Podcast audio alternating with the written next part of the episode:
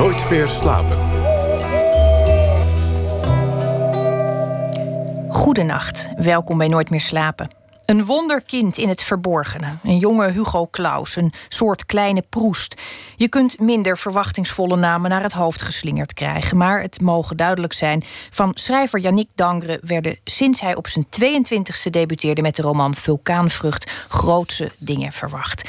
Hij groeide op in Braschaat, België, stuitend gelukkig. En goddank ontdekte hij de literatuur waar het er stukken minder harmonisch aan toe gaat. De verbeelding lijkt bij hem nog altijd boven de werkelijkheid te gaan, of er minstens zin aan te geven. Inmiddels is hij 27 en publiceert sinds zijn debuut nog een roman, Maartse Kamers en twee dichtbundels. En afgelopen maand verscheen De Idioot en de Tederheid. Een familiekroniek waarin hij de geschiedenis vertelt van een ongelukkig gezin. Er komt een vader met een voorhamer langs, een schoonzus met grote borsten, een moeder die haar koffers maar niet kan pakken en twee broers die alleen elkaar blind kunnen vertrouwen, denken ze. Yannick Dangre, welkom. Nou, goeienacht.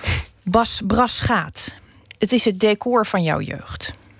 Neem mij eens mee naar, uh, naar die plek. Wat is dat? Waar, waar bevind ik me dan? Wat, wat moet ik voor me zien? Goh, ja, het is een soort uh, Bloemendaal van België. Dus uh, met heel veel hockey en rijke mensen en villa's en al dat soort uh, dingen. Dus echt een beetje kakkers eigenlijk. En ja, daardoor uh, groei je natuurlijk wel op in een heel beschermde omgeving. Hè? Er, er, zijn nooit problemen. Er zijn, alles is uh, schone schijn. Je zit op een uh, elitaire school. met vrienden die, die ook ouders hebben die advocaat en noem het maar op zijn. Dus het is een heel ja, beschermde omgeving. Had jij rijke ouders ook? Was je een, een rijke luiskind? Nou, dat is te veel gezegd. Dus het was meer gewoon uh, de goede burgerij. Het ging lekker. Het ging gewoon lekker, maar niet, uh, niet stinkend rijk of zo. Het was niet dat wij uh, twee Porsches voor de deur hadden staan of zo. Dus dat niet. Was het een, een kunstminnend nest? Werd er gelezen thuis veel? En, en, en kunst en, en muziek? En was dat onderdeel van je dagelijkse dieet? Mm, dagelijks zeker niet. Maar mijn vader die had wel een boekenkast. Hoewel die was meer in schilderkunst en zo. Want hij heeft ook nog een tijdje kunstgeschiedenis gestudeerd... naast zijn ingenieurstudies. Een beetje een uh, man van vele talenten. En uh, dus het was wel aanwezig. Maar mijn ouders lieten me ook op dat vlak best vrij. En het was meer van ontdek het zelf allemaal maar. En wij gaan je niet te veel pushen van doe dit of lees dat. En het was gewoon van het is er. En als jij er dingen uit wil pakken, dan doe je maar. Maar heel veel kinderen die, die veel lezen, die kijken die kunst af. Die zien hun ouders uh, minstens verzonken in de krant. En, en, en uh, als je ouders dan ook nog romans lezen, dan is het vaak al helemaal dus het hek van de dam. Het is natuurlijk allemaal kopiegedrag. Maar was dat ook zo in jouw geval? Of waren het geen mensen die nou dagelijks in de boeken doken? Nee, dat niet. Dat niet. Mijn, mijn moeder zeker niet. Zij, zij is meer uh, economisch georiënteerd. Mijn vader, ja, die las af en toe wel een boek en zo, maar die, die nu ook niet dagelijks of zo. Dus het was niet. Uh, ik heb het toch wel heel erg ook zelf moeten ontdekken. En ik had een hele goede docent Nederlands ook... die me vanaf mijn 15e, 16e heel erg steunde. En hij gaf me dan wel echt... lees dit en dit en dit. Dus hij gaf me echt een goede boeken aan... die, uh, die me ook wel gevormd hebben. Dus het was meer, ja, toch zelf. Hoe is dat contact ontstaan met zo'n leraar Nederlands? Want ze hebben daar een enorm talent voor. Na negen van de tien keer zijn dat de leraren die zo'n kind uh, redden, of in ieder geval heel veel verder helpen.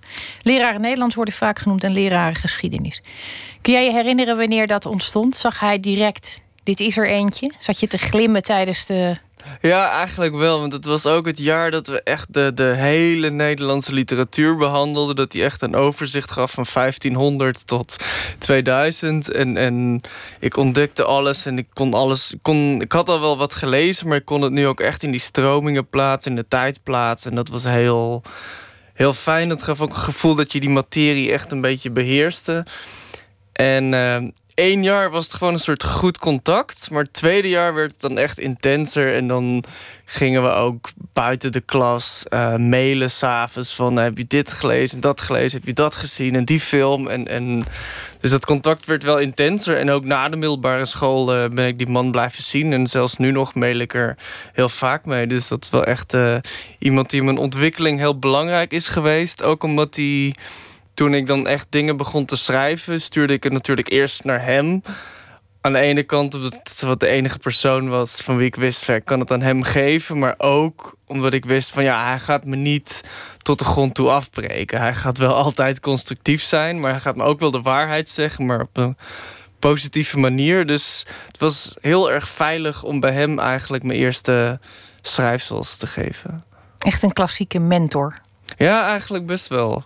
Hij had vroeger ook zelf bij literaire tijdschriften redacteur geweest. Zo, dus hij kende er ook echt wel wat van. Die eerste schrijfsels. Um, er zit altijd een tijd tussen. Je wordt eerst een lezer, denk ik, en dan een schrijver. Dat ging in jouw geval, zoals alles bij jou, vrij snel. Ja, het ging ook wel een beetje tegelijk hoor. Want ik heb. Ik ben pas op mijn dertiende, veertiende echt beginnen te lezen. Aan, aan kinderboeken en jeugdboeken, daar vond ik echt geen klap aan. Dus het was pas op mijn veertiende of zo dat, dat ik ja, met echte volwassene dingen begon. En um, ja, eigenlijk vrij snel daarna was het van... oh, en ik ben ook een schrijver. Ik zei dat toen, lekker puberaal. Ik schreef helemaal nog niks, maar ik vond het wel stoer om het te zeggen. Ik ben schrijver, ik word schrijver. Op je veertiende spreekt toch niemand je erop aan. Dus... Uh, en ik was sowieso wel een soort wuft ettertje in die klas. Dus uh, voor mij was dat best een... Uh, leuke positie. En, uh, dus het begon een beetje tegelijkertijd. Maar van, het werd pas echt ernstig vanaf mijn 18e, 19e. Want toen was het van oké, de speeltijd is voorbij en nu moet je wel echt wat gaan doen. Had je tot die tijd eigenlijk beseft dat je gelukkig was? Of is, of is dat, dat besef van geluk nu juist iets wat komt als er contrast ontstaat? Ja, dat, dat laatste. Want dat is de eigenschap van geluk. Tijdens het gelukkig zijn besef je het niet. Want anders, zodra je het beseft, is, is, is het kapot. Of, of ben je alleen maar bezig met... oh, ik ga het kwijtraken. Dus het totale, pure gelukkig zijn is altijd onbewust. Daarom vind ik het ook altijd raar als mensen zeggen van... oh, was ik nog maar 16, maar dan met de kennis van nu. Nee, helemaal niet met de kennis van nu. Want dan ben je helemaal niet zo gelukkig als toen. Toen jij erachter kwam dat je uh, wilde schrijven, je, je, noemde het net dat het een beetje puberaal ging. Dan is er dus eerst een heleboel pose, neem ik aan. Zeker als je gegrepen wordt door de romantiek. Ja, zeker. Dat, dat is iets wat je niet kunt ontkennen. Nee, zeker in het begin las ik echt alleen maar 19e eeuwse dingen en romantische, decadente dingen en al, en al dat soort uh, boeken. En uh, ja, ik was toen zeker een poseur. Gewoon het feit dat je zegt van... oh, ik ben schrijver, terwijl je helemaal niks schrijft... Is, dat zegt eigenlijk al alles. En ik was ook in de klas degene die dan altijd... ja, de slimste moest zijn en een beetje moest provoceren. En, en, dus dat was wel echt een beetje mijn rol in die uh, klas. Droeg jij ook van die, van die uh, bijpassende kleur... was je ook iemand bijvoorbeeld die dan zwart ging dragen? God, zwart niet. Maar op die eerste twee jaren dat ik op de universiteit zat, droeg ik echt wel heel gekke dingen. Dan was ik weet nog dat mijn docent taalkunde zei van... jij bent de eerste in 30 jaar die met een das naar school komt, naar de universiteit komt. Dus ik, ik droeg wel, ja, ik droeg pakken en, en ja, gekke dassen en, en ik, ik heb een tijdje zelfs met een wandelstok rondgelopen. Het was, het was echt allemaal heel, heel erg, maar wel schattig achteraf bekeken. Maar na twee jaar was dat ook wel voorbij. Maar dat soort dingen heb ik dus ook wel gedaan. het, het, het, ademt ook wel direct het beeld wat je van schrijvers had. Als je met een das en een wandelstok ehm, aankomt lopen.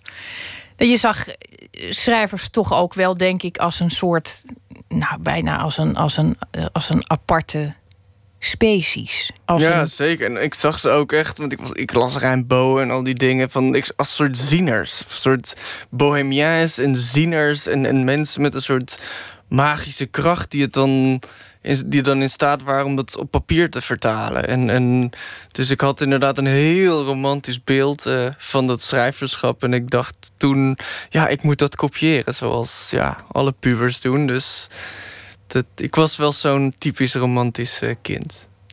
Maar goed, dan heb je zo'n zo'n vorm van fictie gecreëerd. Eh, dat is dan nog vorm. Um, daar kun je het een tijdje mee redden. Dan word je geacht de inhoud daarbij te leveren. Dan wordt het spannend.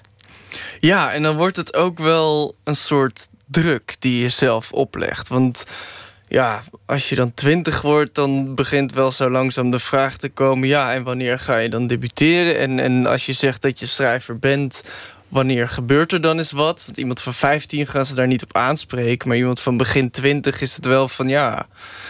Wanneer begin je dan eens aan een boek of zo? Ben je bezig? En uh, dat gaf een soort druk aan de ene kant. Maar omdat het gelukkig best vrij snel goed ging... en, en ik ook al wel veel, uh, mezelf veel discipline kon opleggen... ging dat, uh, ja, ging dat goed en, en ben ik ook vrij snel kunnen debuteren. Hoe zag dat er dan uit? Want je zat op de universiteit en dan ondertussen moet je een roman schrijven. Nu, nu weet ik niet hoe het is om een roman te schrijven, maar ik kan me zo voorstellen dat het, dat het uren per dag Ja, dat was ook een heel drukke tijd. Ik leefde echt twee jaar lang in een soort schema van... oh ja, straks naar college, daarna uh, moet ik naar mijn vriendin... en dan s'avonds kan ik schrijven. En de volgende dag was het, oh ja, nu heb ik zes uur college... dan moet ik die taak maken en dan moet ik even mijn vrienden zien. Dus ik, ik werkte elke dag een soort schema af. Want ja, anders was dat gewoon onmogelijk te combineren. Omdat ik ook... Ik had geen zin om dan nog alleen de universiteit en dat schrijven in mijn leven te hebben. Ik wilde ook nog wel ja, mijn relatie onderhouden. En ik wilde ook nog wel dingen met mijn vrienden doen. Want je bent natuurlijk maar één keer 19 of 20. Dat besefte ik wel goed toen. Dus, um, maar om dat dan allemaal te kunnen combineren... moest ik wel heel erg gedisciplineerd leven. Het is grappig wat je nu zegt. Je was 18 of 19, je besefte dat ben je ook maar één keer. Ik heb altijd gedacht, mensen die echt jong zijn die beseffen het juist niet. Die, dit is een soort oneindige jeugd waar ze in vertoeven. Dat heb jij dus niet gehad. Jawel, maar dat is op mijn achttiende gewoon heel abrupt gestopt. Toen... Maar toen besefte je, dit is eindig. Ja, dat was echt... Ik leefde inderdaad in, in een oneindigheid. En die was fantastisch. En ik was dolgelukkig. En op mijn achttiende was dat plots van...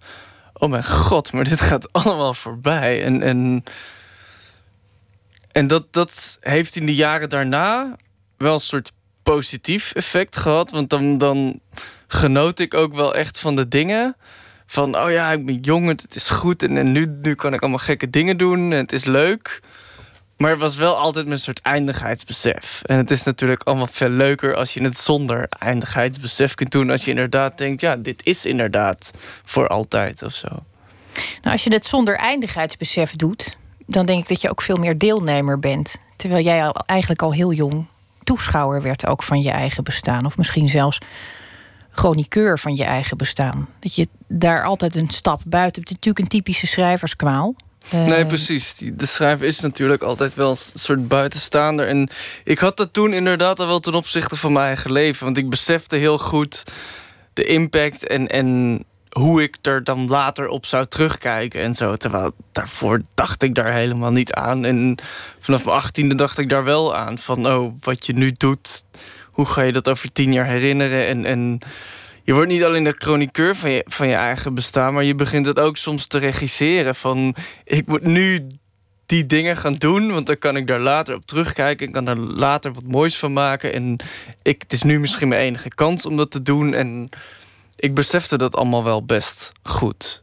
Dus het was inderdaad wel altijd een beetje dubbel. Van je geniet van iets, maar je beseft tegelijkertijd van... oh verdomme, het gaat voorbij ook. En, en ja, het was, het was een heel dubbele tijd. Als de term regie valt, dan denk ik, dan denk ik toch ook... Ehm, er zit een, eh, een, een enorme hunker in, in jou naar fictie. En die gaat best ver ik kan me ook voorstellen dat het dan lastig is om jezelf niet vorm te gaan geven. Dat is natuurlijk voor elke schrijver op zich gunstig. Je moet, je moet nu eenmaal ook in de rol van schrijver een bepaald personage creëren. Daar, dat kwam bij jou ook al heel snel. Um, toen jij jong was, nog jonger was dan je nu bent, ehm, klonk je ook heel anders. We hebben daar een fragmentje van. Het is leuk om even te horen, denk ik. Ja, dat moet je op een bepaald moment doen. Want zeker als je nog heel jong bent, dan heb je wel eens de neiging om bepaalde dichters te gaan nadoen. En dan moet je toch echt wel je eigen stem zoeken. En dat, dat duurt lang, maar dat lukt wel. En wanneer dat lukt, is dat echt heel aangenaam. Dan voel je, dit is echt van mij en niet van iemand anders. Ja, dat is de ideale schoonzoon die we hier horen, vind ik. Brave jongen nog. Ja, je klinkt ook natuurlijk oneindig veel Vlaamser dan je nu klinkt. Heb je dit bewust afgeleerd? Ja, nee. Kun je het weer oppakken als het nodig is? Het is een beetje. Ja, ik kan het wel weer oppakken als het nodig is. Maar het is bij mij altijd een soort van. Ehm, mijn moeder is Nederlands. Dus ik hoorde thuis ook altijd wel dat Nederlands. En ik heb altijd een soort van. Ik pas me altijd heel erg aan aan mijn spreker. Ik heb dat zelfs ook in het Frans. Want je hebt Belgisch-Frans en Frans-Frans. En dat heb ik daar ook. En ja, ik woon nu alweer vijf, vier, vijf jaar in Nederland. Dus, dus ik spreek gewoon elke dag Nederlands met mijn geliefden, met mijn vrienden en met iedereen. Dus um, dat soort automatisch proces wel. Dus. Is het, niet, het is geen bewust proces? Of is het wel een proces waar je je van bewust bent? Ja, je bent ervan bewust als mensen het zeggen. Maar niet gewoon, want dat, dat zou heel raar zijn. Maar dit, als, het, als mensen het zeggen, dan besef je wel van... oh ja, en als ik mezelf hier dan hoor, dan besef ik ook van... oh mijn god, ik heb ooit zo geklonken... en als ik wil, kan ik weer zo klinken. Dus op zich is dat wel, ja, is dat wel grappig. Een andere uh, breuk, en dat is, dat is heel erg goed terug te zien in uh, De Idioot en de Tederheid, je nieuwe roman. Hij werd door Arjen Fortuyn deze week een heel Nederlandse roman genoemd. En daarmee bedoelde hij dat je um, de kleine Proest werd je genoemd. Dat vond ik een hele lieve vergelijking. Ook omdat hij dan de kleine Proest schreef. Ja, precies. Maar hij, hij, hij doelde vooral ook op de zuinigheid. Dat is een zuinigheid die. Um, nou ja, een zuinigheid, het valt nog wel erg mee. Het is niet, niet acuut uh, uitgebeend. Maar eh, wat we voorheen van je zagen is toch opmerkelijk veel krulleriger of veel meer. Ja, hoe zou je dat zelf omschrijven eigenlijk? Ja, het was, daarvoor was het gewoon barokker. En het dat is, een mooi woord, barokker. Ja, het is, het is barokker en het is, zoals je zegt, het is nu niet kaal. Hè? Als ik mijn eerste twee boeken, zoals in de stijl van Grunberg of Maartje Wortel had geschreven, had iedereen dit een heel bloemrijke roman gevonden. Dus het is allemaal. Je kwam van ver. Ja, precies. Ik, mijn eerste twee boeken die waren eigenlijk te barok. Dus als je dat natuurlijk als vergelijkingspunt neemt, is dit veel soberder. Maar dat was ook wel een bewuste keuze, omdat ik. Ja, dat klinkt misschien arrogant of zo, maar ik, ik had iets van. Ja, in die twee boeken heb ik al bewezen dat ik dat kan. En nu wil ik bewijzen dat ik ook iets anders kan. En... Het klinkt niet arrogant, het klinkt alsof je snel verveeld bent. Ja, dat ben ik ook sowieso. Maar ik, ik vind dat er een soort... Er moet altijd wel variatie in een oeuvre zitten... en een zekere grilligheid. En ik vind het wel interessant als een schrijver telkens wat anders doet. Het, het, heeft natuurlijk zijn charme om, om zoals een reven... dertig keer hetzelfde boek te schrijven. En dat, dat heeft een fantastisch manisch iets in zich. Maar ik hou toch meer van... Ja, mensen zoals Wieringa die elke keer toch een heel ander boek schrijven... een heel andere setting kiezen, een heel ander uitgangspunt. En dat wilde ik nu met dit boek ook doen. Want mijn eerste twee boeken, ze gaan wel over wat anders... maar die kun je op zich wel heel goed met elkaar verbinden. En nu wilde ik echt een soort ander boek maken. En, en meer spelen op, op de compositie en de spanning... En, en de snelheid van het verhaal. En een heel barokke stijl zou dan enerzijds dat in de weg hebben gezeten... maar zou anderzijds ook voor mij... oh, dat is weer hetzelfde als daarvoor. Het klinkt bijna alsof je eerst bedenkt wat voor soort schrijver je wil zijn... en dan wat voor soort boek daaruit voortkomt. Ben je iedere keer een andere schrijver? Is dat iets wat je je voorneemt om bij ieder boek... Goh, geen andere schrijver, maar dat je gewoon als schrijver wel vele ja, vele paletten hebt, vele toetsen kunt aanslaan. Dat je niet altijd in datzelfde straatje zit. Dat vind ik wel toch echt belangrijk. En uiteindelijk is er toch wel een soort rode draad door je oeuvre... En, ziet iedereen uiteindelijk wel van... ja, dit is een boek van die of die schrijver. Of in dit geval, dit is, dit is wel een boek van Dangre. En, en dat, dat is er uiteindelijk wel. Er is altijd wel een soort afdruk, maar binnen, daarbinnen kun je wel heel veel variëren en dat wil ik ook doen. Het is ook een vorm van het jezelf moeilijk maken natuurlijk. Ik noemde het net heel flauw, je bent snel verveeld. Uh, we zouden ook complimenteuzer kunnen stellen dat je, um, dat je jezelf voor nieuwe problemen wil zetten. Een van de problemen vond ik met dit boek, uh, daar heb je het jezelf ook niet makkelijk gemaakt het, het, is een eigenaar van een supermarkt, komt erin voor. Het is een, een lompe zak. Dan is er nog een, uh, een, een, schoondochter met enorme borsten. Die wil ook heel graag grote borsten. Er zijn mannen die houden van mooie auto's. Kortom, alles wat je eigenlijk onsympathiek kunt vinden aan mensen zit erin. Ja, maar er zit ook alles wat je sympathiek aan mensen kunt vinden. Want ik wilde hier ook het hele ja, palet van menselijke emoties en menselijke gedragingen wel in beschrijven. En ehm, er zijn dingen die mensen sympathiek maken en dingen die de mensen onsympathiek maken. En dat is altijd verenigd in verschillende personages. Het is hier geen enkel personage die 100% positief is of 100% negatief.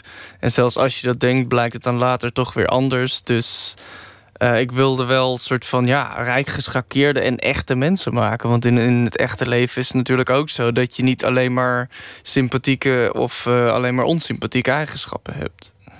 Hou je van mensen eigenlijk? Ben je graag in, in groepen of ga je naar eh, feestjes of ben je een. Ja, maar het moeten dan wel um, met mensen zijn die ik apprecieer dat vind ik wel. Ik vind vriendschap heel erg belangrijk en heel erg onderschat. En ik heb ook best veel vrienden die ik al twintig jaar ken. En met wie ik nog steeds echt een fantastische band heb. En die ik om, om de twee weken zie of zo. Dus um, ik ben in die zin wel een sociaal mens. Maar als het in een groep met onbekenden is, dan ben ik best afstandelijk. Dan wacht ik even af. Maar zodra ik onder vertrouwde mensen ben, dan. Uh, ga ik wel los, ja. Dan gaat hij los, lieve mensen. Hoe zit dat dan als je een, uh, een boek schrijft waar, dit soort mensen in voorkomen? Ik zei het al, een, een supermarktkruidenier moet ik eigenlijk zeggen. Uh, fietsenmaker. Ben je dan ook iemand die zich om fictie te schrijven toch eerst gaat baseren op de werkelijkheid? Ga je, trek je een overal aan en ga je bij een fietsenmaker werken? Een nee, dat niet. Ik, ik, werk omgekeerd. Ik werk totaal vanuit mijn verbeelding. En als het er dan staat, dan uh, denk ik wel af en toe van... oh, dit moet ik toch wel even checken... om even zeker te zijn dat dit wel klopt. Maar het, uh, de eerste versie in het begin is gewoon echt alles verzinnen. En zoals Jeroen Brouwers ook zegt... als je het niet weet, dan verzin je toch gewoon. Dus dat, dat vind ik wel altijd een goed uitgangspunt voor fictie. En je zei het net al, voor mij is fictie in alle aspecten van mijn leven en mijn werk belangrijk. Dus ik heb dan wel het gevoel van ja, dat kan ik wel verzinnen. En sommige dingen moet je wel even nakijken, maar dat is daarna en dat zijn ook geen echt grote dingen. Ik kan me moeilijk voorstellen dat ik een boek zou schrijven dat waarvoor ik eerst een jaar research moet doen of zo. Dat lijkt me vreselijk. Lijkt me ook heel hinderlijk, want dan moet het heel minutieus kloppen. En, en dan word je misschien beperkt door al je materiaal. Dus en je moet je werkkamer uit. En... Ja, dat soort dingen ook. Dus, dus... Vervelende interactie met mensen die je niet hebt uitgekozen. Dus ik geloof op dat vlak wel in less is more. Als je er minder van weet, kun je er vrijer mee omgaan of zo. Nou, die vrijheid is natuurlijk heel uh, belangrijk op het moment dat je vanuit fictie werkt. Het is natuurlijk een ontzettende hype om uh, te schrijven vanuit uh, nou ja, wat je in je jeugd allemaal is overkomen. Dan scoor jij natuurlijk heel erg slecht. ja, nee, ik uh, hoor niet thuis in het groepje van uh, autobiografische schrijvers. Dat klopt wel. Zou je het kunnen? Stel dat jij, uh, je komt volgende week bij je ouders en, uh, en die zeggen van nou wat er nu voor lijk uit de kast is gerold, blijkt dat oom Henk al jarenlang drie gezinnen onderhoudt. Die, met, met elf kinderen in totaal. En dat hadden we nooit van hem verwacht. Zou jij dan denken, ik stort me erop? Goh, nee, eigenlijk niet. Want dan denk ik van dit bestaat al. Hier hoef ik geen boek meer over te schrijven. Ik wil iets maken dat niet bestaat. Maar dat dan wel iets zegt over alle dingen die zouden kunnen bestaan.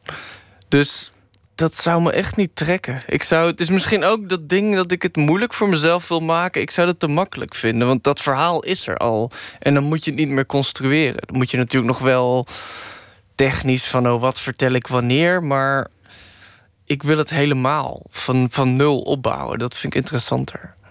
Je wilt in je fictie niet beperkt worden door de werkelijkheid. Ja, precies. Dat is wel mooi samengevat. Zou je dan wel, want dat is, dat is natuurlijk ook een kant van het schrijverschap. Ehm, waar je niet aan ontkomt. Zeker niet uh, op jouw leeftijd, als iedereen nog uh, volop in leven is, ga ik even vanuit. En je, je hebt ook nog een broer die bestaat, die echt bestaat. Je hebt waarschijnlijk ook vele broers die niet echt bestaan. Maar dat, dat is altijd ingewikkeld als je gaat schrijven. Dat ze beseffen ook uh, op familiefeestjes en dergelijke, dat, dat, dat jij ook altijd onthoudt, notities maakt, opschrijft. Dat ja, ze altijd ook een beetje materiaal zullen zouden kunnen worden als je. Ja, je bent altijd wel dingen aan het pikken. Hè? Klaus die zei het mooi van ik loop als een raaf tussen de mensen en ik pik mijn dingen eruit met mijn bek. En dat, dat, dat doe je natuurlijk. En dat, dat, dat is zelfs geen bewust proces meer. Dat doe je gewoon onbewust. Je zaagt het allemaal in je op. En op een bepaald moment kun je er dan wat mee doen als je achter je laptop zit. Dus, uh, maar ik weet eigenlijk niet of die andere mensen dat zo goed beseffen hoor. Dus... We hebben ze nu, misschien hebben we ze nu wijzer gemaakt dan ze waren.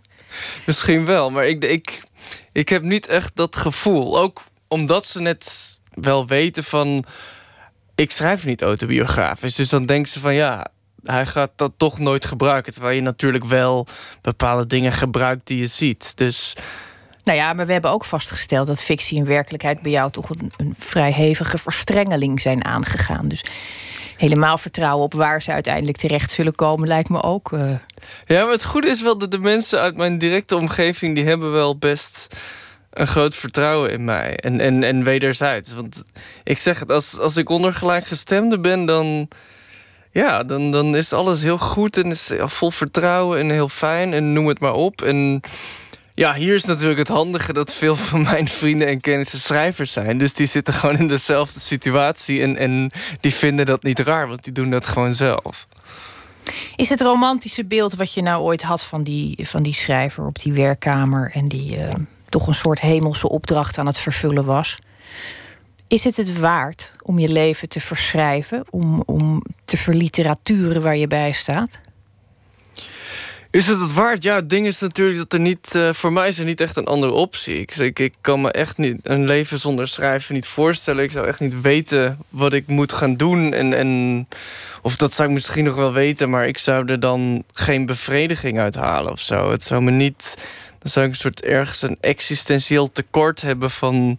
ik ben dingen aan het doen die me niet uh, eh, 100% bevredigen. En dat doet het schrijven wel, hoe zwaar het ook is... en wat al de consequenties ook zijn.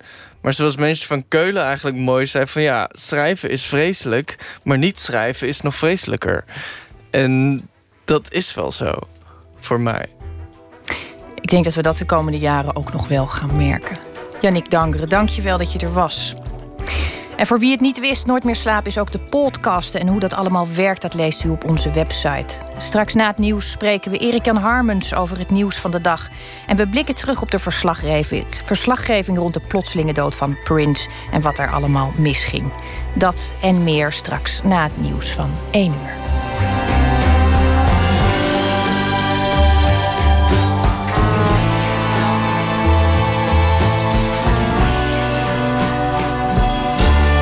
Radio 1, het nieuws van alle kanten.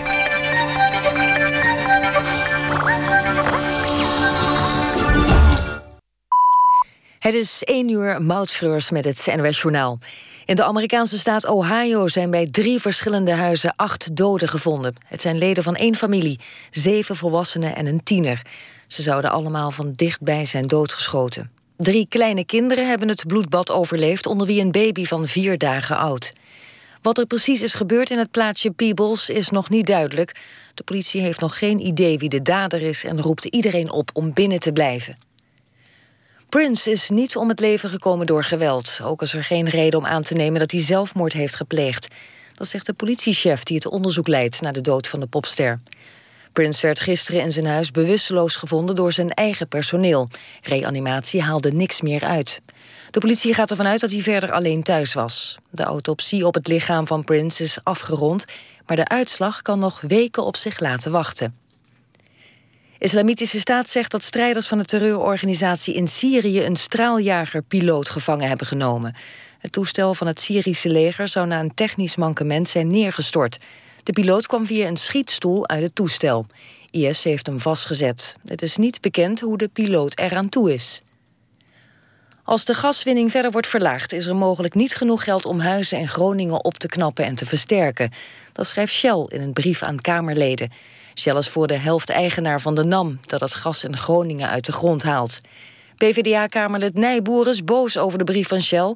Het bedrijf is verantwoordelijk voor de schade die het heeft aangericht. Dit is belachelijk, zegt hij.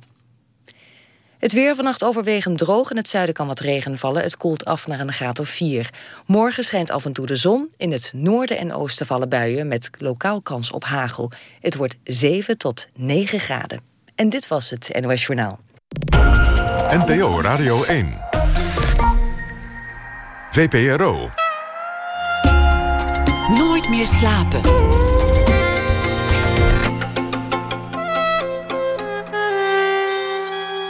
Met Esther Naomi Perquin. Welkom terug bij Nooit meer slapen. In het hele boek zit het water, zegt Wilfried de Jong over zijn nieuwe verhalenbundel Zweefduik. Straks ontmoeten we de schrijver op een voor hem betekenisvolle plek aan het water in Rotterdam. En schrijver Martijn Knol komt langs in het kader van het International Literature Festival in Utrecht. Hij gaat ons bijpraten over het programma-onderdeel De Kaleidoscopische Roman. Maar we beginnen natuurlijk met proza bij het nieuws van de afgelopen dag. En deze week is het Erik-Jan Harmens die de schrijfopdracht heeft aanvaard.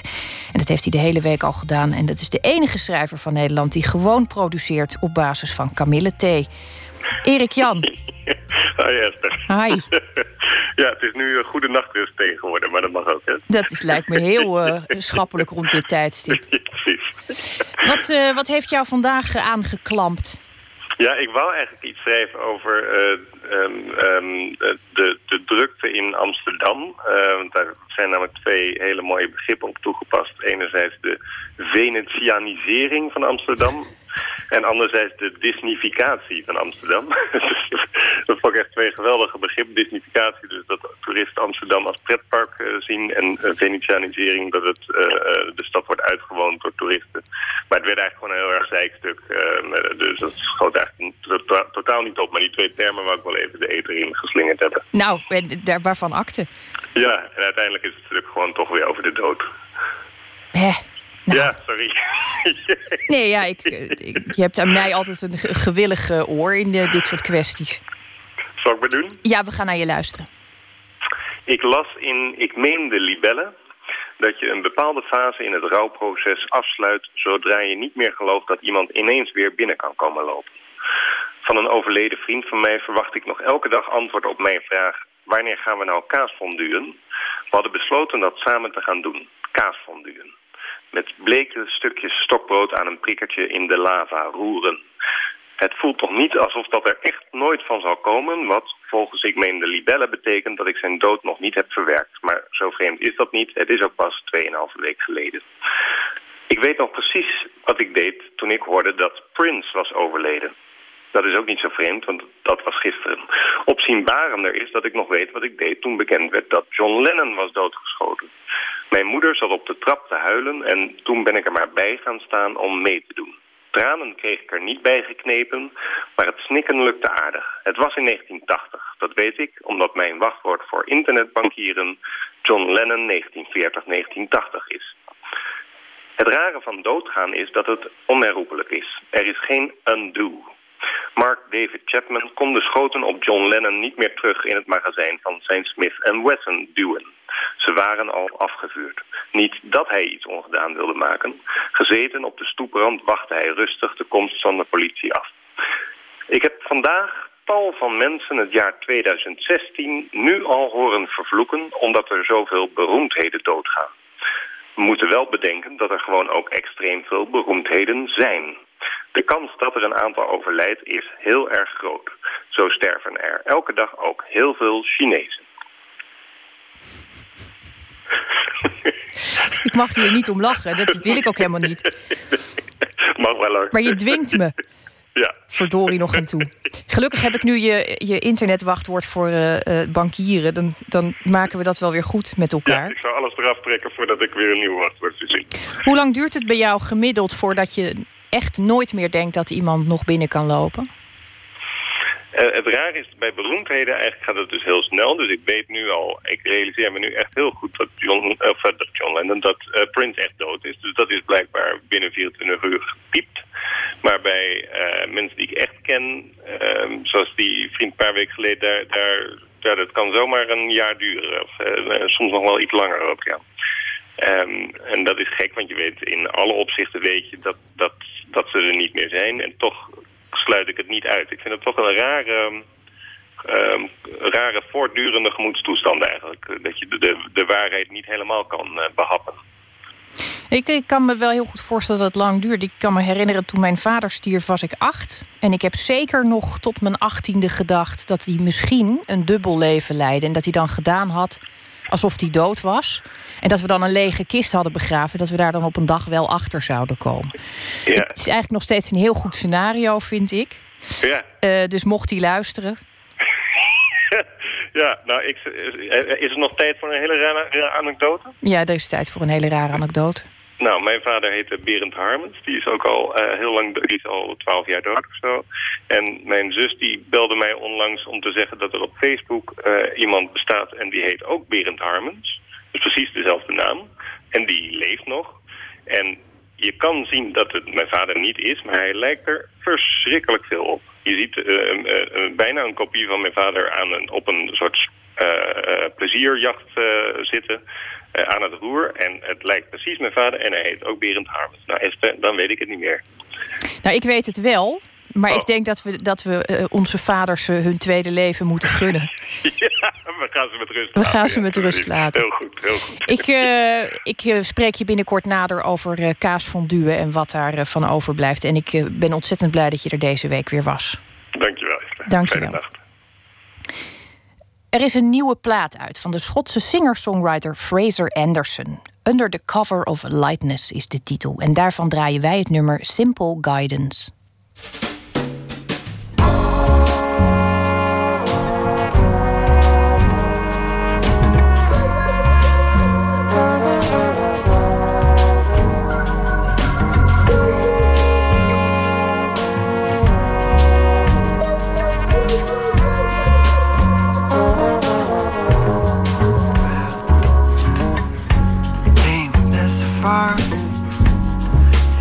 We'd ask for advice or simple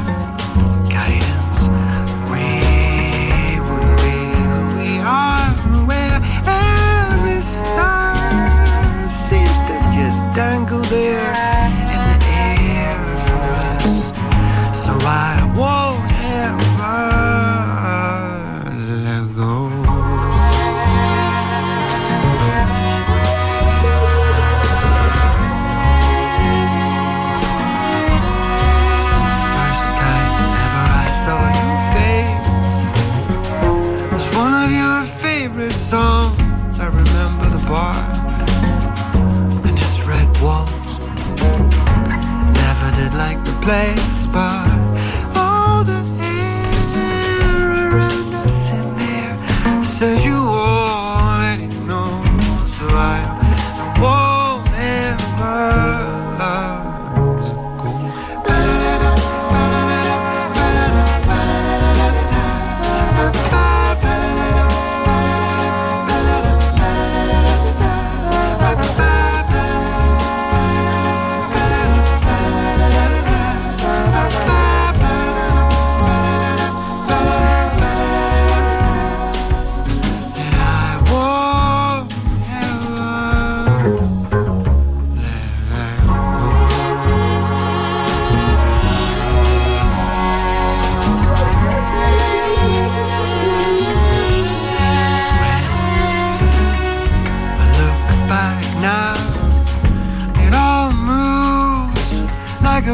passing cloud without making a sound at all. And one thing I was told is worth its weight in gold. Cause everybody needs someone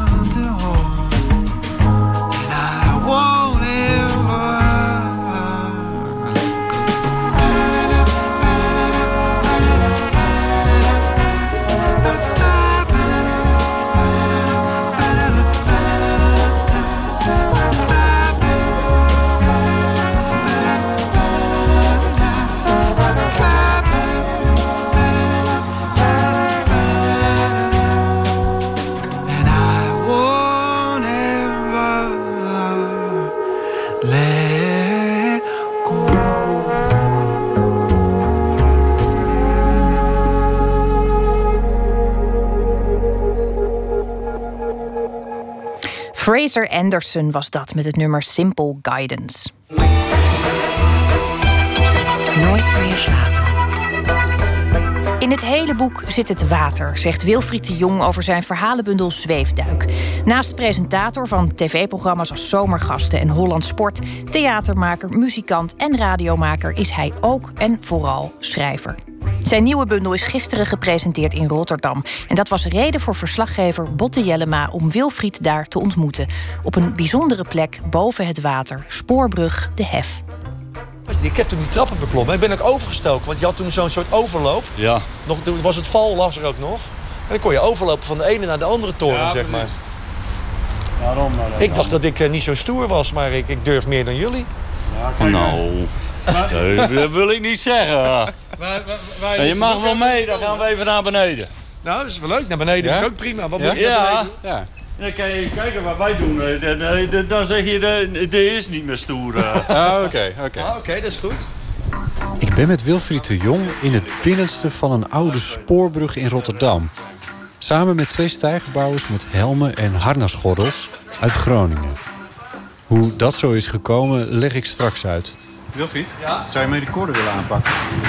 Dan heb ik even twee handen.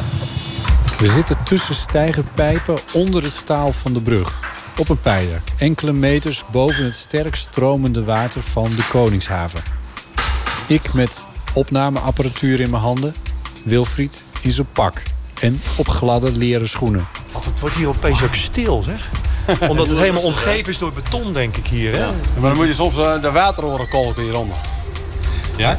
Ik zal je vertellen, dat zit ook, ik, ik, heb een verhaal gemaakt rond. eh, eh, eh, een verzonnen verhaal rond deze brug. Maar er zitten wel dingen in die, die ik wel gehoord heb over, over de plek ook. Ik heb een keer met een vent gesproken die, die werkte bij de patrouilledienst. En die ging dan met, met het schip, met zijn bootje, ging hij dan. En die, die kwam dan af en toe. eh, kwamen die gasten kwamen lijken tegen. Eh, met mensen die van, die van dit soort pakken aan hadden, zoals jullie met dan gele pakken. En het waren binnenschippers, die lagen hier dan in, in de buurt. Eh, en die, die eh, hadden geen werk meer, want de binnenschippers gaat slecht, weet je. En die, die, die zopen zich helemaal vol. En dan moesten ze pissen in de winter. En dan was het zo koud, kregen ze een klap. En viel, ze- viel ze het water in. En dan werden ze gevonden met een zak helemaal buiten, bu- buiten het pak, omdat ze aan het pissen waren. En dan wisten ze, oh, weer iemand die aan het pissen was, buiten, water ingelazen. En die worden dan verderop, omdat er een enorme stroming is. Vergis je, maar het is een enorme stroming in het water. Werden ze soms honderden meters verder aan de kaders werden ze gevonden. Het, water gaat nu rustig, maar zoals vanmiddag is het net of je bij de zee bent. Zo kolkt dat hier onderdoor. Ja? Dat hoor je. Kort hiervoor beklommen we het talud van het oude luchtspoor. En hier speelt een van jouw verhalen zich af. Ehm, nu staan we eigenlijk voor een hek waarop staat verboden toegang. Hoeveel trek jij je daarvan aan? Nou, ik, ik, ik, ik, dit, dit ken ik zo vanuit mijn jeugd. Verboden toegang voor onbevoegden, artikel 461, wetboek van strafrecht. Dacht ik doorlopen. Melden bij de uitvoerder, maar die was er nooit. En nu ook weer niet. We zijn op zoek naar de uitvoerder. Zweefduik is de titel van een bundel met verhalen van Wilfried de Jong. Elk verhaal is geschreven in de ik-vorm. De ik heeft in elk verhaal een andere leeftijd. De ik beleeft een avontuur. De ik krijgt te maken met levensgevaar. De ik zou Wilfried zelf kunnen zijn. Ja, prima als mensen denken dat ik het ben. Het is, eh, het is eigenlijk doorgaans niet zo. Nee. Er, zit, eh, er zit er ook een verhaal in van iemand die 75 is... die op een kind van zes past. Dus dat kan, dat kan, ik, kan ik onmogelijk zijn. en ik heb, ben ook nog nooit eh, onder water beland... eh, in, toen ik 18 was in een auto samen met een meisje.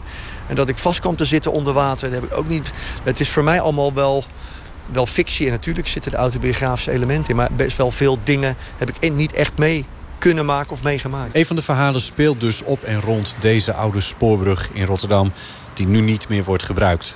Het is een verbinding over de Koningshaven tussen Feyenoord en een eiland in de Nieuwe Maas. Die wordt hier eh, gespleten, zou ik maar zeggen. De, de- Ja. waar we nu op lopen is eigenlijk het Noordereiland. Hè, als je het, als je het in, in, in Parijse termen zou zien... zouden we nu op het Ile de France lopen. Maar dan wordt hier heel hard om gelachen... als je zegt dat het net het Ile de France is. Het spoor dat er lag was de verbinding tussen Breda en Rotterdam. De hef wordt momenteel gerenoveerd. Ik herinner me nog wel, en heel veel mensen herinneren zich nog wel... als ze Rotterdam binnenkwamen vanaf de zuidkant... dus laten we zeggen vanuit Dordrecht of Breda... dat je dan met die trein op een gegeven moment...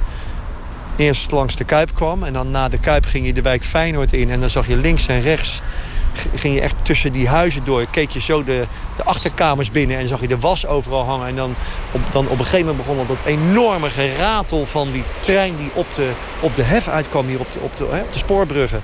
En dan hoorde dat enorme geratel. En dan op een gegeven moment dan, eh, dan was je daar weer vanaf en dan was je in de stad.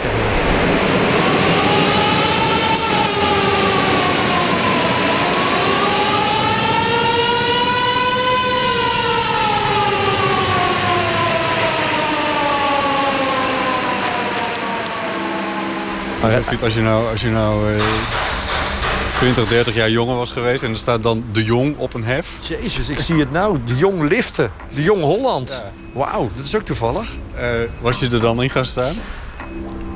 Eh, ja, dat denk ik wel. Dat denk ik wel. Zeker was ik misschien, had ik misschien besloten om met een vriendje nu weg te gaan en s'nachts terug te komen en dan eroverheen springen, waardoor je echt vrij spel hebt. Ik heb s'avonds vroeger wel met veel met vriendjes in, in, in, in, in bouwcomplexen eh, geklommen en zo. Of of scholen waarvan een deur open was, eh, s'avonds erin. Ik vond dat wel spannend, ja. Dat spreekt ook een beetje uit het verhaal in jouw boek, hè? Ja, het verhaal, dit verhaal gaat, gaat over twee jongens die zeg maar zo 16, 17, 18 jaar zijn ongeveer. Twee, twee vrienden van elkaar die elkaar van school kennen, ja.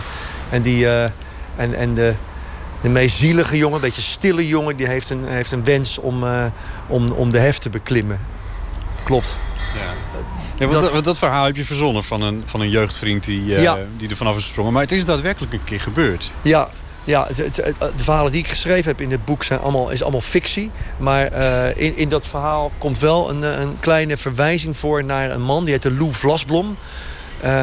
Die ergens in, in de jaren 20, 30 daar een keer eh, van afgesprongen is. Eh, er is ook een foto van, dan zie je een man in een, echt in een heel, ja, heel net pak. Het ziet eruit als een ambtenaar, een zwart pak. Keurig, ziet er keurig uit die man. En die staat op het bovenste puntje van, van deze brug, van de hef. En die is daar naar beneden gesprongen. En eh, had een eh, zakdoek in zijn mond gedaan om te voorkomen dat zijn adem afgesneden werd. En die is toen eh, naar beneden gesprongen terwijl de mensen langs de kant stonden. Is die opgepakt door de rivierpolitie en meegenomen voor verhoor. En mocht later weer, eh, was weer vrij. Dat werd daarmee als een, ja, zoals je de reus van Rotterdam hebt. Zo'n man van die, die, die, die, twee meter zoveel was. Heb je ook Lou Vlasselom, de man die ooit van de hef afsprong. In bijna elk verhaal in Wilfrieds boek scheert de hoofdpersoon of iemand in zijn naaste omgeving langs de dood.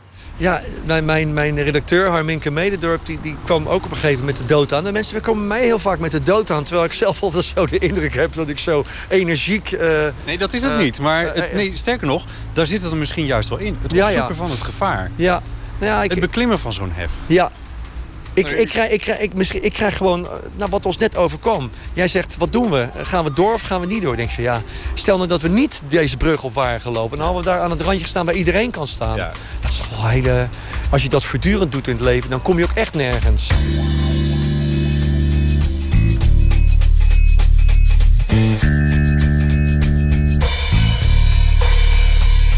Ik beschouw mezelf eh, al, allerminst als een, als een uitslover of een waaghals. eh, maar ik moet ook wel bekennen dat ik in heel veel situaties niet bang ben. In mijn jeugd had het al. eh, mijn, mijn, bijvoorbeeld, bijvoorbeeld oh, nu zo bij het water van de Maas zijn. Mijn moeder, ik had ooit in een theaterprogramma, werd ik met mijn hoofd een minuut onder water gehouden in een aquarium. En dan begon de zaal op een gegeven moment te schreeuwen. Ik dacht, god, nou heel lang duren. Ik krijg wel echt een rode kop, die de jong. Maar mijn moeder zat toen destijds in de zaal. Die zei, ja, maar dat weet ik toch van jou. Je ging toch in bad ook altijd twee minuten onder water? Vond je toch altijd leuk? Dus kennelijk zit er wel iets in mij dat ik het ook wel opzoek. En dat ik het ook niet erg vind om het op te zoeken. En het ook wel spannend vind om te kijken waar je dan, waar, in, waar je dan in belandt. En of je, een, als, je een, als, je, als je die stap maakt, kom je, er, kom je er ook wel best vaak beter uit. Als je risico neemt. En zo, pratend op de hef in Rotterdam, raken we in gesprek met de Groningse stijgerbouwers. Wel eens naar beneden gelazerd? Alsjeblieft niet. Naar boven mogen we niet. Maar we mogen wel onder de brug kijken. Vlak boven het kolkende water van de Koningshaven. Je zit niet voor niks in een harnasje natuurlijk, hè? Nee, zo is het. Ik doe het nou 27 jaar, maar uh, Maar je hebt, je natuurlijk altijd, ik heb, ik heb zelf in theater gewerkt, ik heb deze dingen ook altijd gehad in theater. Maar er zijn altijd momenten dat je even niet gezekerd bent. Die komt komt natuurlijk ergens voor. In principe niet. Ja, maar, maar ja, het is een mooie boel. Maar net was je niet gezekerd een seconde geleden. Eerlijk nee. zeggen. Maar kijk, we hebben nou de leuning. Ja, Ja, Kijk, oké. Als wij die kant op gaan, zitten we altijd mee vast. Ah ja, oké. Always online. Ah, je, bent, je bent dan nooit echt in nooit ongeluk, maar ben je wel eens een keer Nee. dat je gezekerd hing, zeg maar. Heb je dat Gelukkig ook niet. nooit Nee, meegemaakt? nee, maar dat is ook pijnlijk genoeg, denk ik, hè? Die, eh, die- nee. dat wil je ook niet zien. Dat wil je niet zien. Daar hebben we foto's van gezien, maar dat wil je niet zien. Foto's van gezien van Ja, mensen ja, die ja, dit ja. hadden. Dat ze Nee, hingen die- aan een touw. Die, die hangen aan een touw. Moet je maar eens op internet opzoeken. En Dat is, kun je de foto wel vinden. Nou, dat is geen prettig gezicht. Want? Want? Maar die, maar die- Nou, hij had het net over dat die douaneband en eh, die, die mannen vonden met, die, eh, met de zak eruit. Maar dan is die zak gespleten.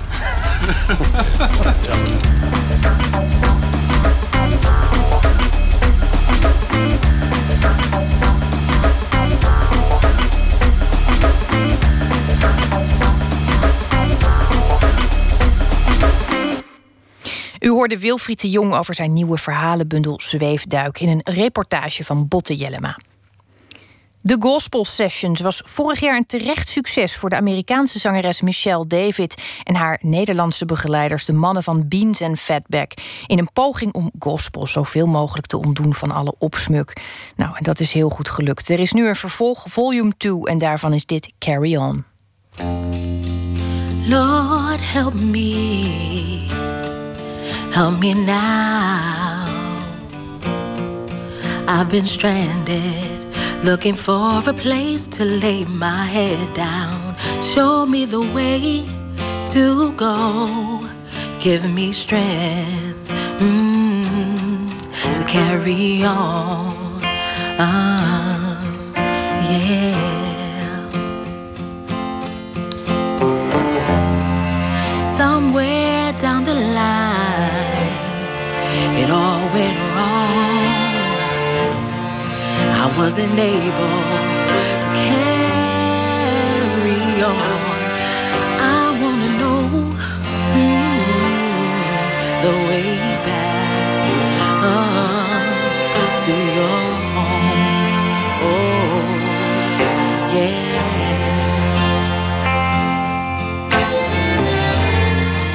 and I'll make it.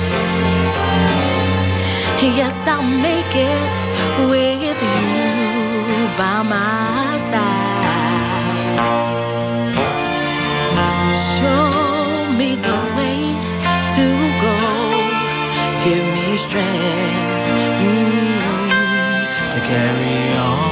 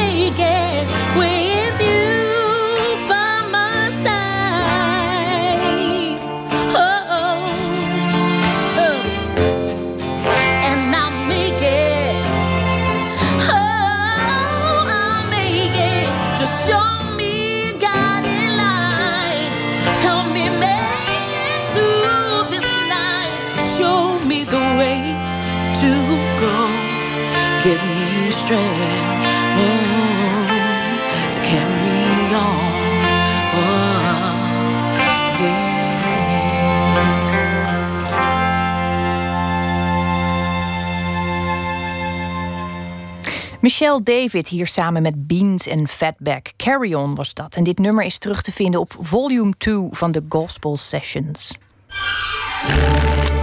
Open kaart. In onze rubriek Open Kaart trekt de gast kaarten uit een bak met 150 vragen over werk en leven. En deze keer doen we dat met schrijver Martijn Knol. Hij was voorheen cabaretier en reclamemaker en debuteerde in 2003 met zijn roman De Duiker.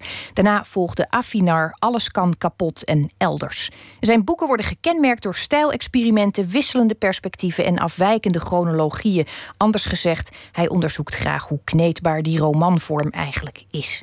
En deze zaterdag zal hij gespreksleider zijn op het International Literature Festival in Utrecht, het ILFU, tijdens het programma De Kaleidoscopische Roman. Daarin gaan auteurs Ninja Weijers, Kees het Hart en Tonnes Oosterhof in gesprek over romans die van het traditionele recept afwijken. Martijn, welkom. Dankjewel.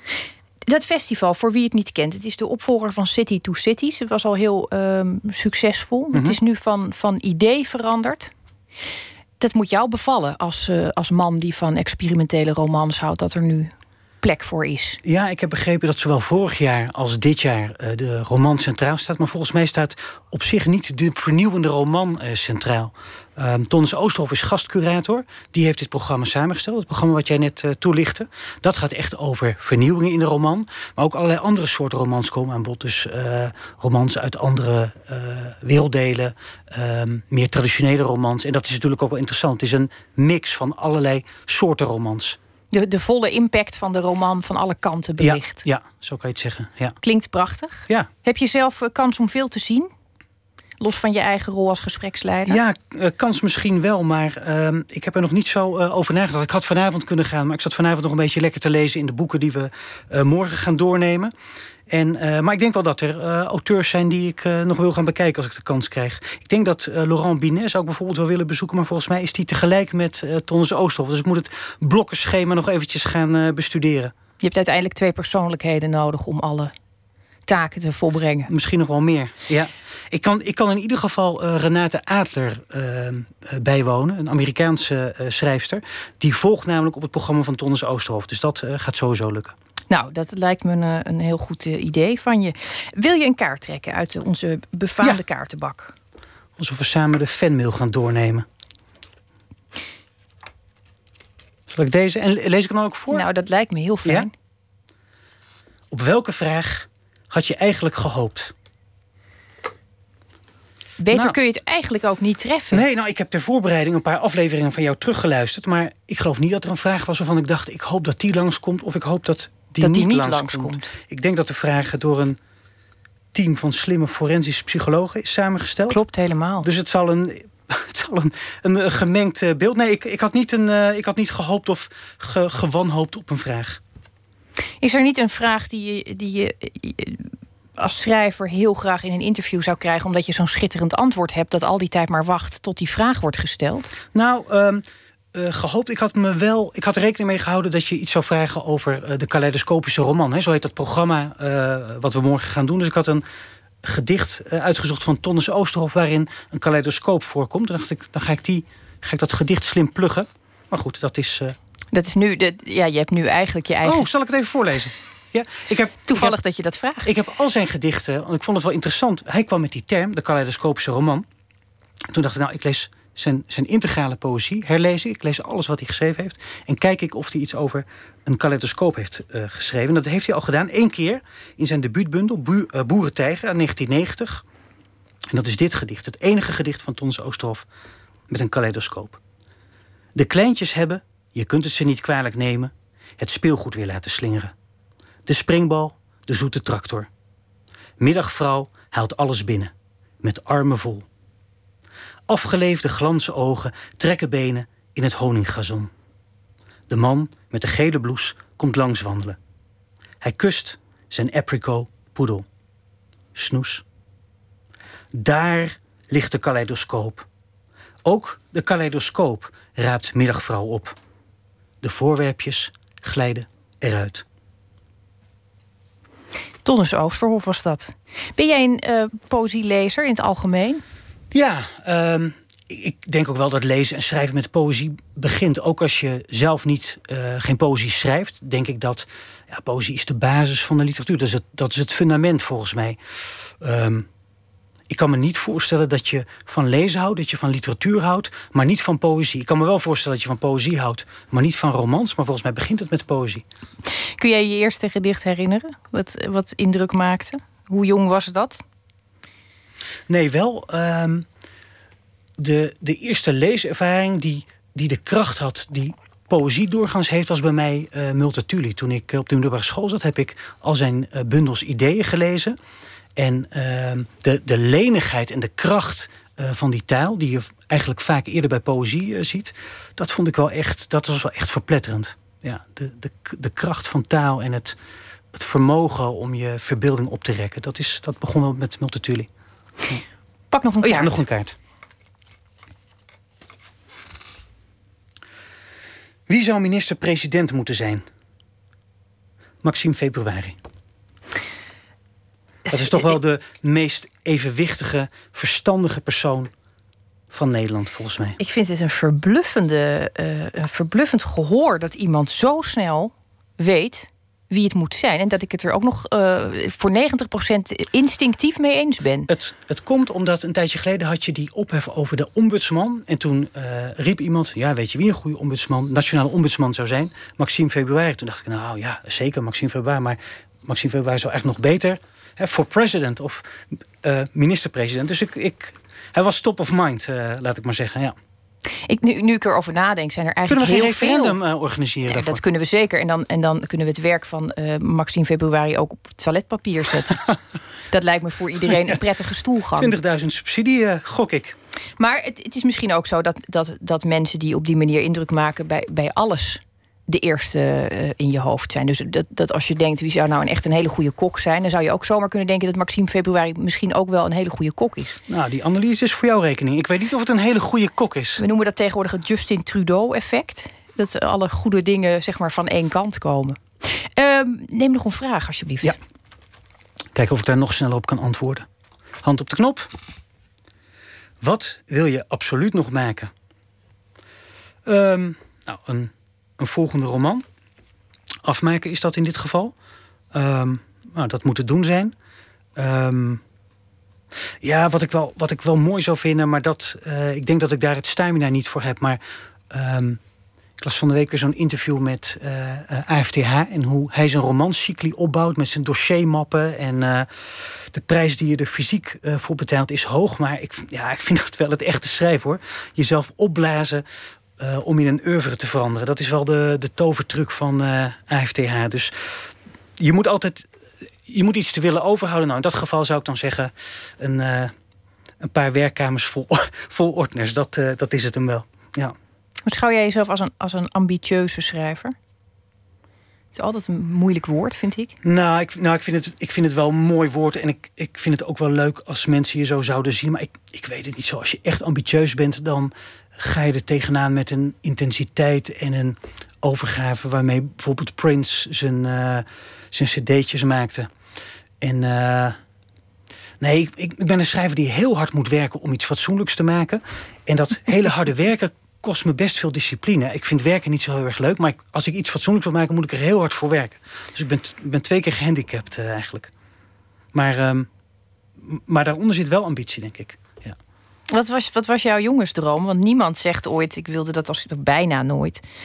Was je gewoon een fatsoenlijk jongetje dat straaljager, piloot of brandweerman wilde worden? Nee, nou, mijn eerste ambitie was eh, vuilnisman worden. Want eh, het viel me altijd op als, je langs de, als ik dan s'morgens naar school fietste en je kwam langs de vuilnis, dat er altijd nog wel speelgoed lag en dan misschien wel een beetje kapot. Maar dan dacht ik, als je een beetje handig bent of als je iemand kent die handig is, dan is dat speelgoed, daar is nog wel iets mee te doen. Of, of televisies of platenspelers of zo. Dus ik had het gevoel dat, dat, dat de vuilnisman het dichtst bij de overvloed stond. En dan tegelijkertijd gecombineerd met een soort willekeur. Want het is ook een, een, ehm, een vuilnisman gaat eigenlijk iedere ochtend op avontuur. Hè? Je weet niet wat er bij die zakken nog ligt... of wat er zelfs in die zakken zou kunnen zitten. Dus mijn eerste droom was vuilnisman. En ik denk dat daarna schrijver al gauw kwam. Dus eh, ja. Nou, er zit een zekere verwantschap misschien in. Eh, ik, ik- als je, zoals jij nu een vuilnisman beschrijft, heeft hij ook wel een hele reddende functie, namelijk. Toch ook de, de, de herschepper van de chaos in, in de orde als hij afgedankte kinderfietsjes gaat repareren en redt. Zie, zie jij schrijvers als redders? Ja, ja, toch wel. Alles wat aan de werkelijkheid eh, ontglipt, wordt door hun weer opgeraapt. Oh ja, ja dat is wel mooi.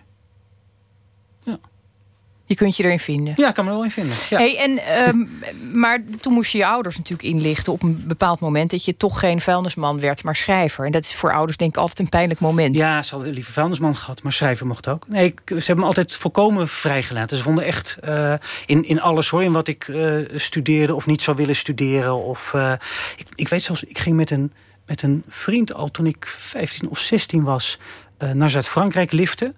Terwijl ik zou, en, en dan sliepen we op, eh, gewoon eh, op parkeerplaatsen of eh, sliepen in de berm. We hoefden niet per se ons tentje ergens op. maar Gewoon ergens onder, onder de blote hemel, zeg maar, hoogzomer. En ik vraag me nu achteraf of, of ik dat nu heel verstandig zou vinden als, als kinderen van 16. Want je bent eigenlijk nog een kind als je 16 bent. Dat zouden doen. Maar ze, nee, ze liet me volkomen vrij. Dus ook in mijn maatschappelijke of, of onmaatschappelijke ambities. En dat vind ik ook wel goed, omdat ik ook eigenlijk wel ten diepste vind dat ehm, het schrijverschap een, een, een keuze voor de, voor de marge is. Eh, geen applaus, bekrachtigde, bekrachtigde regels van het ware vers of de, het echte vers, de echte regels tegen de regels geschreven. Zoiets is het van, van Loetje Bert. En ehm, daar zit wel iets in, vind ik. Je moet in ieder geval bereid zijn om in de, eh, in de marge te belanden. Dat is, dat, anders, anders wordt het niks, denk ik. Vind jij eigenlijk dat er genoeg geëxperimenteerd wordt met de roman in Nederland? Want Ja. Jij gaat als gespreksleider optreden bij dit onderwerp. Dan, dan, eh, het ligt je ook na aan het hart, weet ik. Ja, Ehm, ja ik, ik denk wel dat er genoeg eh, geëxperimenteerd wordt. Je zou je dan vervolgens kunnen afvragen: wordt er genoeg ehm, gedaan om het experiment onder de aandacht te brengen? Hè, door uitgeverijen of door de media. Maar aan de andere kant, ja, eh, als je. Als je een experimentele roman maakt of een andere experimentele tekst en je krijgt er geen aandacht voor, dan zorg je toch zelf dat die aandacht krijgt. Of dan krijgt hij maar geen aandacht. Dus ik, ik, ik weet niet of. eh, want je, je, de analyse is dan heel gauw: wat gebeurt er te weinig? Wordt er te weinig verkocht? Wordt er te weinig uitgegeven? Wordt er te weinig gepropageerd? Of wordt er te weinig gemaakt? Nou, ik heb niet het gevoel dat er te weinig gemaakt wordt. Ik hoor eigenlijk nooit mensen zeggen: ik zou wel willen eh, experimenteren, maar ik heb het gevoel dat het niet kan in Nederland of dat het niet mag.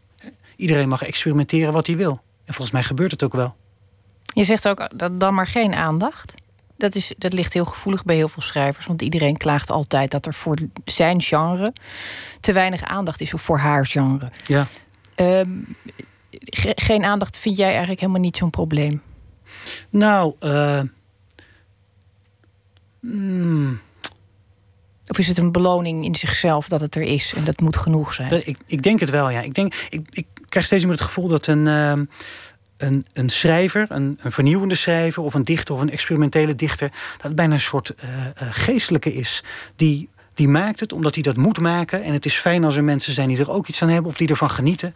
Maar het begint er toch mee dat iemand iets wil maken en dat hij nou ja, ja, het klinkt toch heel raar om, om te zeggen dat je zo'n experiment doet omdat je contact met het hogere maakt of iets dergelijks. Maar misschien is het toch wel zoiets. Misschien is het uiteindelijk is, is een schrijver of een, een experimenteel schrijver toch soort spiritueel gedreven. Ik vind het een prachtig besluit. Dank je wel. Ik net eh, zeggen, konden we dit er maar uitknippen, maar nee, dat nee. kan niet meer.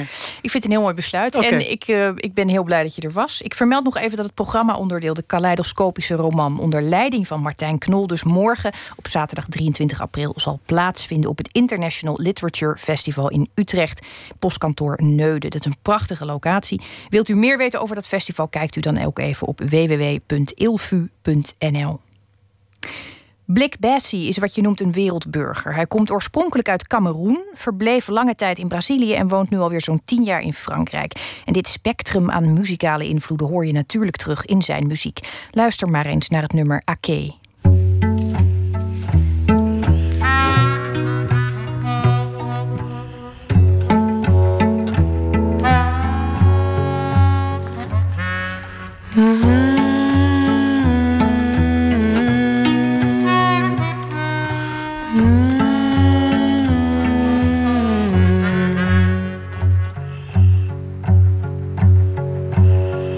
Yeah.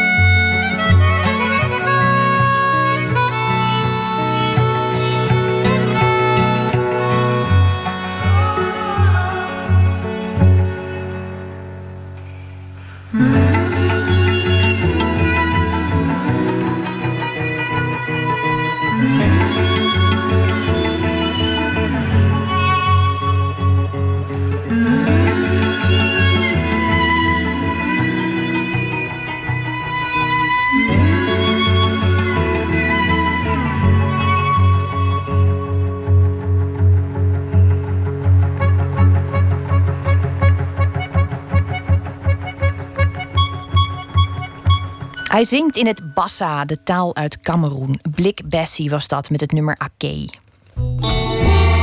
Nooit meer slapen. Gisteren ontploften alle media na het plotselinge overlijden van Prince. Op iedere redactie werd haastig gezocht naar sprekers, fragmenten, kenners, de grootste fans. Zoals dat de laatste tijd helaas al vaker gebeurde. Met de dood van bijvoorbeeld David Bowie of Johan Cruijff. En meteen leidt dan ook weer de discussie op over hoe de verschillende media dit nieuws verslaan. Onze nachtcorrespondent deze nacht is Jan-Paul de Bond. Jan-Paul, fijn dat je er bent. Jij bent hier dieper ingedoken vandaag. Ja, nou ja, kijk, als je helemaal wil inventariseren wat er allemaal uh, gezegd en geschreven is, dat, dat kom je niet door. Ook al is het nog maar uh, een etmaal later. Maar ik wilde even een paar mensen hierover spreken. Er was namelijk vooral ophef over de uitzending van De Wereld Draait Door. Die was inderdaad een beetje ongemakkelijk. Dat nieuws druppelde daar binnen, terwijl die uitzending net begonnen was. Ehm, Matthijs van Nieuwkerk wilde daar iets mee doen, maar en bleef het ook proberen, maar dat kwam niet echt uit de verf. Laten we even een, een kort fragmentje beluisteren.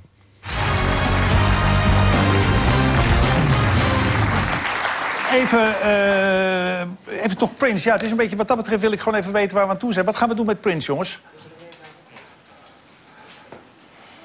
Oké, okay, oké. Okay. Heb, jij, Niels, heb jij een, een, een, lied van Prince in, in het repertoire eigenlijk, of niet? Nee, maar al had ik het, had ik het nu niet gedaan. Dat ga ik mijn vingers niet aan branden. Dat, uh... Sorry, nee. Nee, nee het, het is ook maar een Zo'n vraag. groot macht, daar, uh, daar blijf ik ver van weg, ja. Oké, okay, we, gaan, uh, we gaan gewoon door met de uitzending. We eindigen straks met Prince, dat is een ding wat zeker is. Ja, ongemakkelijk. Uh, inderdaad, dat is het goede woord. Dat ongemak ging ook al heel snel rond op Twitter en andere media. Ja, nou ja, Twitter, daar kun je op wachten natuurlijk. Dat, uh, dat gaat heel snel. Maar ook in de Volkskrant vanochtend een uh, recensie over de uitzending. Met de titel Vlaggenschip DWDD delft het onderspit met de dood van Prince. Um, ze maken daarin een. Of de, de schrijver van het stuk, uh, Althuisius, die maakt een vergelijking met uh, RTL Boulevard. Die zond op hetzelfde moment uit. Die hadden wel direct iemand aan de lijn gekregen. Um, ik heb even gebeld met de auteur en ik vroeg hem of hij vindt dat dit voorkomen had kunnen worden. Wat volgens mij het grote probleem is dat er niet echt keuzes gemaakt werden gisteren. Uh, dat ze of hadden moeten zeggen van wij gaan gewoon door met onze uitzending. Het spijt ons, we gaan morgen een hele mooie uitzending over Prince maken. Um, we, hebben nu niet meer dan dit nieuws en we, kun, we kunnen er niet zoveel mee verder. Maar nu hinkt het heel erg op twee gedachten, waardoor er gaten af en toe vielen uh, en het een beetje onge ja, op een paar momenten best wel ongemakkelijk werd. Dat Matthijs met, met zijn redactie zat te praten of met de regie zat te praten en hij maar niks terugkreeg. Hans Berenkamp die schreef vandaag in NRC dat het eh, in het geval van Prince ook extra lastig was, omdat er gewoon nauwelijks beeldmateriaal van hem online te vinden is. Ja, dat is waar. Daarom zag je in veel programma's ook wel dezelfde fragmenten terug. Zeker aan het begin van de avond. Maar, zegt Althuisius, daar mag je het nooit alleen van af laten hangen. Uh, bij De Wereld Door hadden ze ook mensen kunnen bellen... om die in de uitzending aan het woord te laten. Maar goed, het gaat, we zitten hier niet om eh, De Wereld Door zwart te maken. Um, maar je kan je wel afvragen wat je als programma à la minuut kan brengen... bij dit soort acuut nieuws. Kijk, bij kranten en, en nieuwsredacties... daar hebben ze complete necrologieën klaar liggen. Als je maar een beetje bekend persoon bent... en ziek wordt of echt op leeftijd raakt... dan ligt het overzicht van je leven wel klaar. Bij kranten heet dat trouwens de dode hoek of het mortuarium. Dat heb ik vandaag geleerd. Beetje morbide naam ook. Um, maar ja, als gemiddeld praatprogramma heb je dat niet, die necrologieën.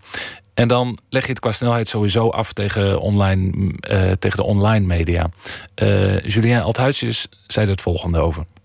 Twitter is veel sneller, zo snel. Dat kan je, dat kan je ook helemaal niet bijbenen als televisieredactie. Dus, dus dan kan je dan beter zeggen... Uh, we gaan het morgen doen. Zoals de Wereld Draait Door dat toen deed uh, na de aanslagen op Charlie Hebdo. Dat was, was, echt een van hun allerbeste uitzendingen die ze daarna hadden in, in hun hele bestaan.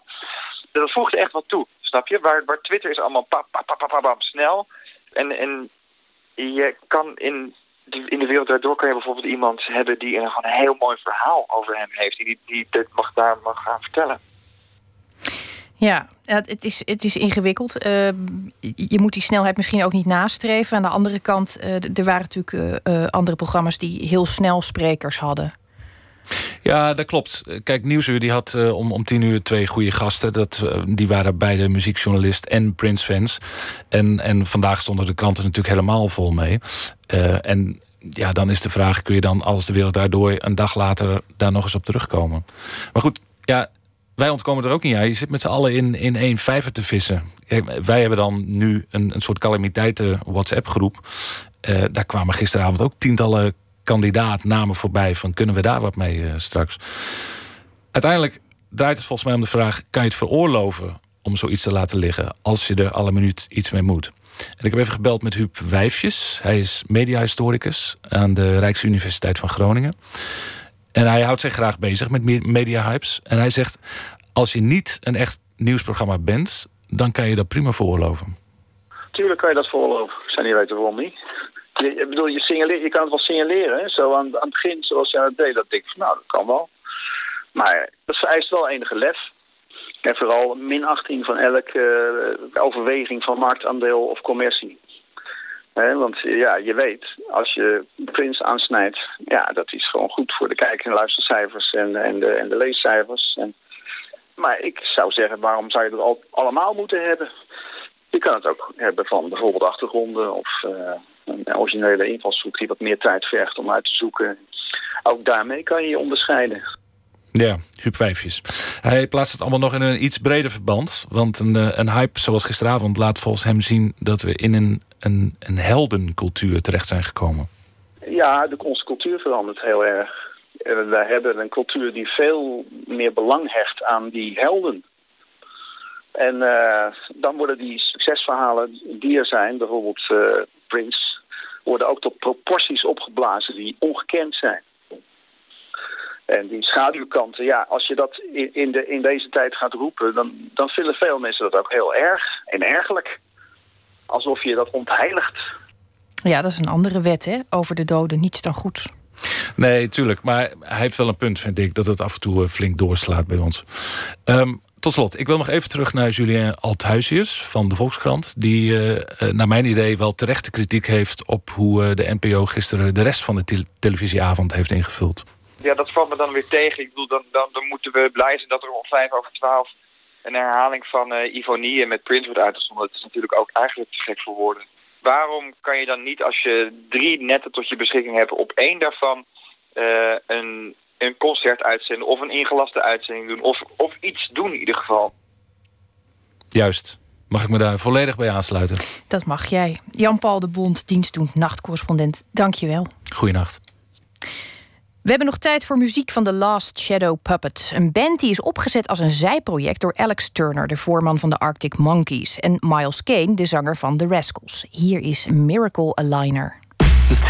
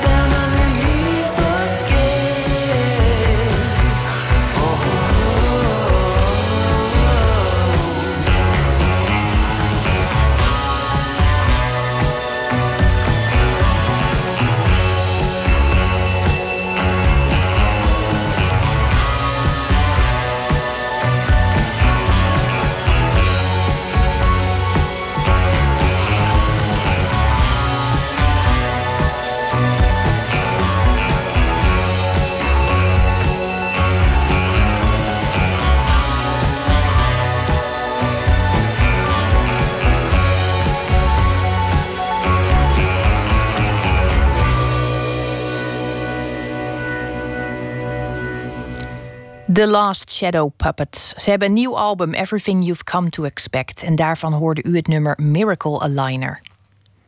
Al de hele week hoort u gedichten naar keuze van dichter Tjitske Jansen.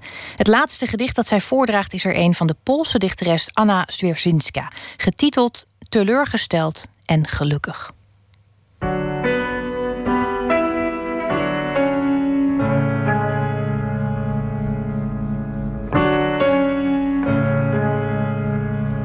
Eh, ik lees een gedicht voor van Anna Zwierzinska, een Poolse dichteres. Ze leefde van 1909 tot 1984. En ze is in Polen nooit echt aanvaard. Ze was te rebels voor haar tijd. Ze ging joggen, ze was vegetarisch, ze was feministisch. En in het communistische Polen waren vrouw en man gelijk als het op werken aankwam, maar niet binnen de relatie. Dus de vrouw die op seksueel vlak het voortouw nam, dat is iets wat in haar gedichten wordt uitgedrukt, dat mocht absoluut niet. Uh, het gedicht dat ik heb gekozen begint met de slankheid en de rankheid van een man te vergelijken met rook uit een schoorsteen.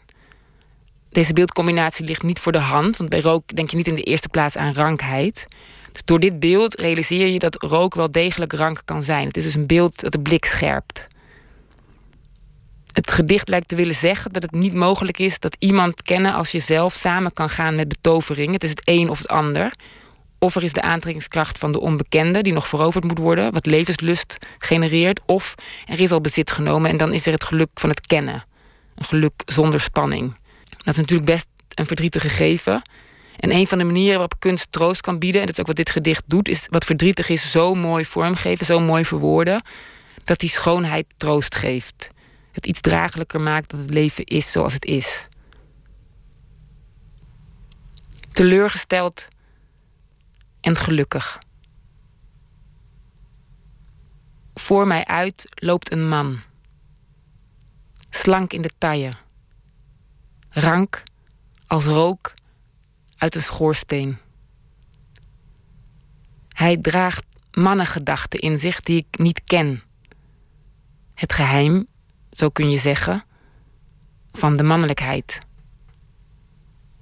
Hij draait zich om.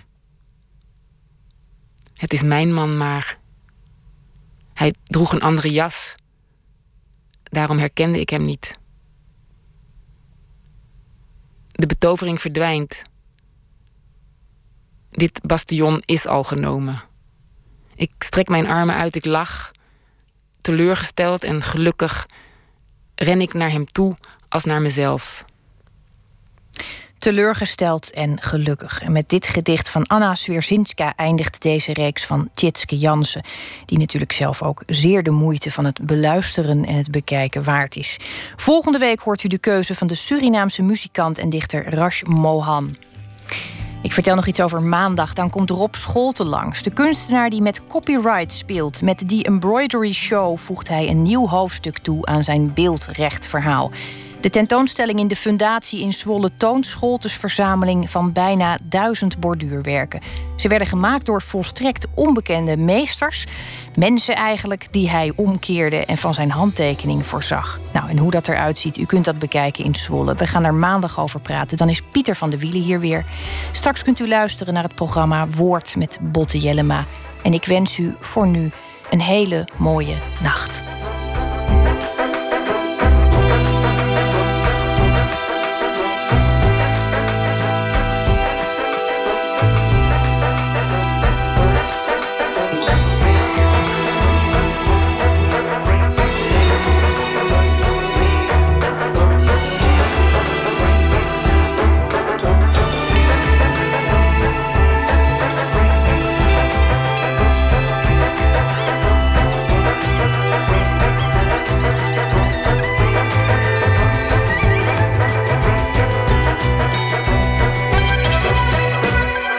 Radio 1. Het nieuws van alle kanten.